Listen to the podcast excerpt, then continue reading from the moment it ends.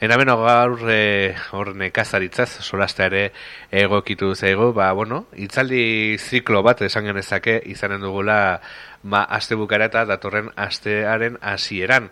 Hortxe etorriko zaizugu nekazaritza Nafrako e, ingurumen kudeaketako e, kidea den e, Silvia Zabalza, nekazaritza arroko e, kidea eta bueno, ba gaur gurean izanen dugu, ba pixka bat azalduz zertan datzan e, itzaldi ziklo hau, zertara etorriko den gurera eta bueno, ba ongi etorria emanen diogu da gure iratirratiko uinetara Silvia, egunon zer moduz? Baita zuri ere, ongi eta zu. Ongi, ongi gabiltza, eta bueno, zurekin egoteko gogoz, e, hori, aipatu dugu, e, itzaldi zikloa edo itzaldi taurra e, delako bat e, eginen baituzu e, gure zorralean, Pirineotan. E, bai. konte, gozu pixkat, e, nola sortu ira itzaldi ziklo hauek, edo zertara atoz e, itzaldi ziklo hauek?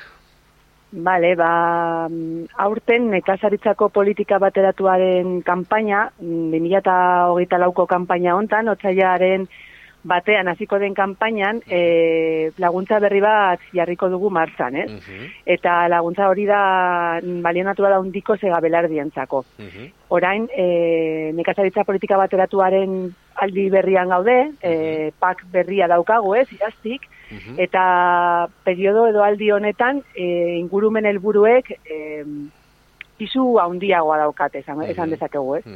Eta laguntza hori, e, balionatura handiko zegabearenako laguntza, ba, nahiko berezia eta berria da. Berria baino gehiago agian esan dezakegu e, berritzailea dela. Eta horregatik e, beharrezkoa ikusten genuen ez urbiltzea e, tokietara eta eskatu dezakezuen dezaketen abeltzainekin hitz egitea, kontatzeko nondik datorren laguntza, laguntza hori berria dena eta zertan datza ez. Eta horregatik, pues hori, egon gara atxo nintzen milizondon, gaur uh larraunera joango naiz, eta bihar eta horrengo astean Pirineora, bai. Bueno, eh, aipatu duzu, eh, balio natural handiko sega belarrak zeri buruz ari gara, eh, horren hori aipatzen dugunean. Bai. Ba, hor dago, ba, kontzeptu bat, badela balio natural handia. Kontzeptu hori sortu zen eh, joan den mendearen bukaeran, gutxi gora bera, onartu zenean, eh, lurreko bioanistazunaren zati handi bat, mm, e, intensitate txikiko edo bas, basuko e, nekazaritza eda, eta edo abeltzaintza jardueraren menpe e, mende dagoela, ez? Orduan, balio naturala handiko ere muak, kasunetan zegabelardiak, badira, E, nekazaritze edo eta beltzaintza erabilerako lurrak, baina ere biodibertsitate edo bioanistazuna handia dutena, bai flodarena, bai faunarena, bai. Horregatik dira, balia naturala handiko e, ba, e, segabelardiak edo eremua edo. Eta segabelardiak dira, mm, printzipioz normalean mosten direlako, bai. E, mosten dira, eta gero, hazienda edo aberea sartzen da bazkatzera. Horregatik deitzen dira labur biltzen zega belardiak. Bai. Hori da, ez da, zertan ez, eskuz eh, moztu beharreko zega belardiak ez? ez, ez, ez, ez, ez, ikusirit, bueno, bai, ere, bai, eskuz mozten bada, pues oso ongi, baina, baina ez ez da beharrezkoa. E, mekanizatuaz ere normalean, beti orain e, e, makinaz mozten dira, ez? Eta, eta, eta gero, pues, askotan, e, hazienda sartzen da ere bai, bazkatzera, bai. Eta bueno, aipatu duzu, e, sega belarri hauetara biratuko dela, diru laguntza espezifiko bat, berri bat, e, berritzailea dena, eta nolatan e, egin duzu hori, edo zertan, e, bueno, zelbururekin edo egin da? Ba, hori, berritzailea dela, emaitzetan oinarritzen delako. Hau da, normalean, orain arte, izan ditugun laguntza guztiak, pak barruan izan ditugun laguntza guztiak, baina farroan, bai estatu mailan izan dira, e, kudeak eta eskakizunetan e, oinarri duta. Hau da, jarraibide batzuk e, zehazten dira edo ezartzen dira, eta beltzainak edo nekazariak betetzen baditu, ordainketa jasotzen du, bai? Egin behar du zerbait, eta egiten badu, e, ordaintzen di, e, diete, ez? Ordaintzen diote. Baina, e, maitzetan oinarritzen da, eta orduan egiten dena da, helburua finkatu, eta gero e, segun eta e, oza, gero eta hurbilago helburua lortzera, ez? E, egiten baduzu lortzen baduzu helburu hori bete, kobratzen duzu gehiago edo gutxiago. Eta horri egiten dugu puntuazio fitxa baten bidez. Uh haiek joan behar dute bere bere segaberar dira edo bere zorora, puntuazio pizza hori bete, gure laguntzarekin, eta erreza, gainera oso erreza da, eta e, pizza betetzeko gida bat izango dugu ere bai, eta orduan, e, gero eta puntu gehiago, gero eta diru gehiago kobratuko dute.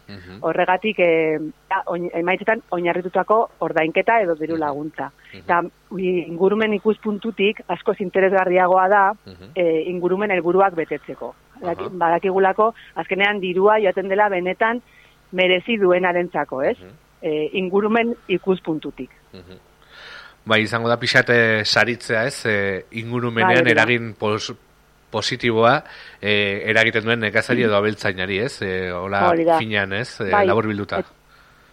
hori da, e, Nafarroan berria da, ez da, ez da egin, baina Irlandan adibidez, e, landa garapenerako programa osoa, -huh. emaitzetan oinarritzen da, ez, da, ez dago ez da laguntza bat ere, e, emaitzetan oinarritzen ez dena.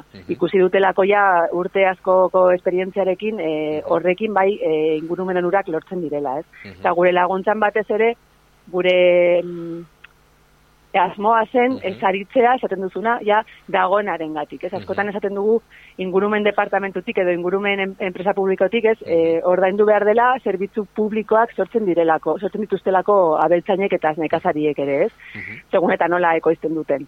Eta hori ze, hori da e, laguntza honen helburua. Ze alako segabelardi bat ezin da lortu egun batetik bestera, uh hori ezin da lortu ez egun batetik bestera, ez urte batetik bestera. Hori hor dago, urte asko, askotan e, daramadako alako kudeak eta bat e, e, azalera horretan, ez? Uh Horregatik, pues, e, heldu da momentua pizka bat kobratzeko edo dirua emateko horregatik. Eta bueno, hortara edo hori azaltzeko hiru e, momentuz dakigula hiru hitzaldi eginen dira, ostira honetan ari ben, e, aizkoko etxean, astelenean eskarotzen e, e, justo juntetxean eta auritzen ere aste artean okerez banago, Silvia? Hori da. Uh Aste artean ere bai auritzen taldeko sortzitan e, kulturetxean izanen da. Uh -huh. Egin dugu pizkal behan duziago, pues, errezago ez, egiteko abeltzainak horra agertzea.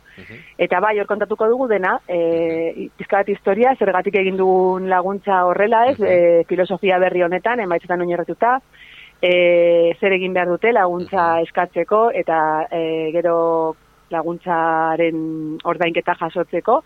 Eta salduko diegu pizka bat fitxa hori zer den, nola bete behar den eta hori pues dugu aipatu baina oso garrantzitsua da floranistazuna, ez, eloreak dauden e, haien belarditan, baina gero ere hor baditugun Pirineon asko daude e, e, balionatu da elementuak deitzen diegu badila, egiturak eta ba, bezleku direnak e, eh, biganiztasunaren zata. Mm Bordak, e, or, e, arrizko hormak, edo mm eskaiak edo ezinaturalak, setoak, bai. zuaitza hundiak edo izolatuak, horiek ere garrantzitsuak dira biodiversitaterako, eta horiekin ere puntuak lortzen dira gure fitzan. Eta horrei buruz, hitz egingo dugu e, itzaldi guztietan. Eta gero, haien zalantzak, eta saiatuko gara argitzen, eta, eta hori, pues, guztiok, ba, guztiok elkarrekin hitz egiten, e, ere bai da, importantea guretzako, haiek jakitea, ze garrantzitsua den haiek daukatena, ez?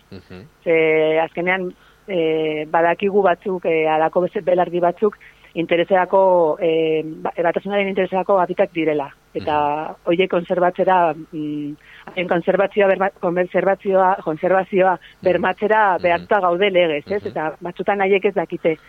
Ze, ze bion anistazuna daukaten haien partzeletan, ez?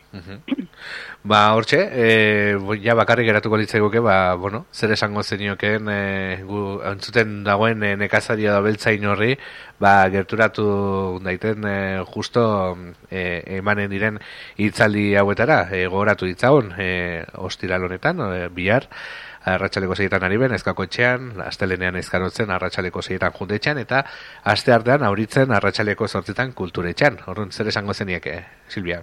Ba, e, animatzea, ez, ai, e, e, tortzea, gurekin, oza, nirekin, e, atzalde tratu bat pasatzera, nik azalduko diet dena, oso erreza dena, e, polita izango dela arratu hori ez, kon, e, partekatzeko pizka bat hori, e, segabelar buruz egiteko, balionatu buruz, eta eta gero bro kon azkenean e, diru laguntza di, ordainketa dauka, ez? Eta segun eta ze puntuazioa da lortzen duten, e, lortu aldute laureun euro hektariaka, ez dela gutxi ere, e, eta oh, seguro e, orain abeltzen estensiboa dagoen egoerarekin, pues ongi, ongi dago, ez, laguntza gehiago jasotzea.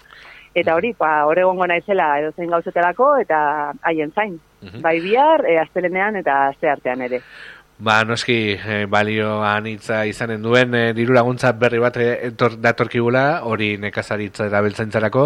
Ba, hortxe, Silvia, mi esker, e, gurean egon izanatik, e, placer bat izan da. Eta, bueno, ba, bixe, ber, e, jendea animatzen den eta bertaratzen den e, itzalietara militartean ongi izan. Eh, eskerrik asko zuei, gonbidatzea gatik, eta bai, eskerrik asko, ia, ia denet animatzen den jendea.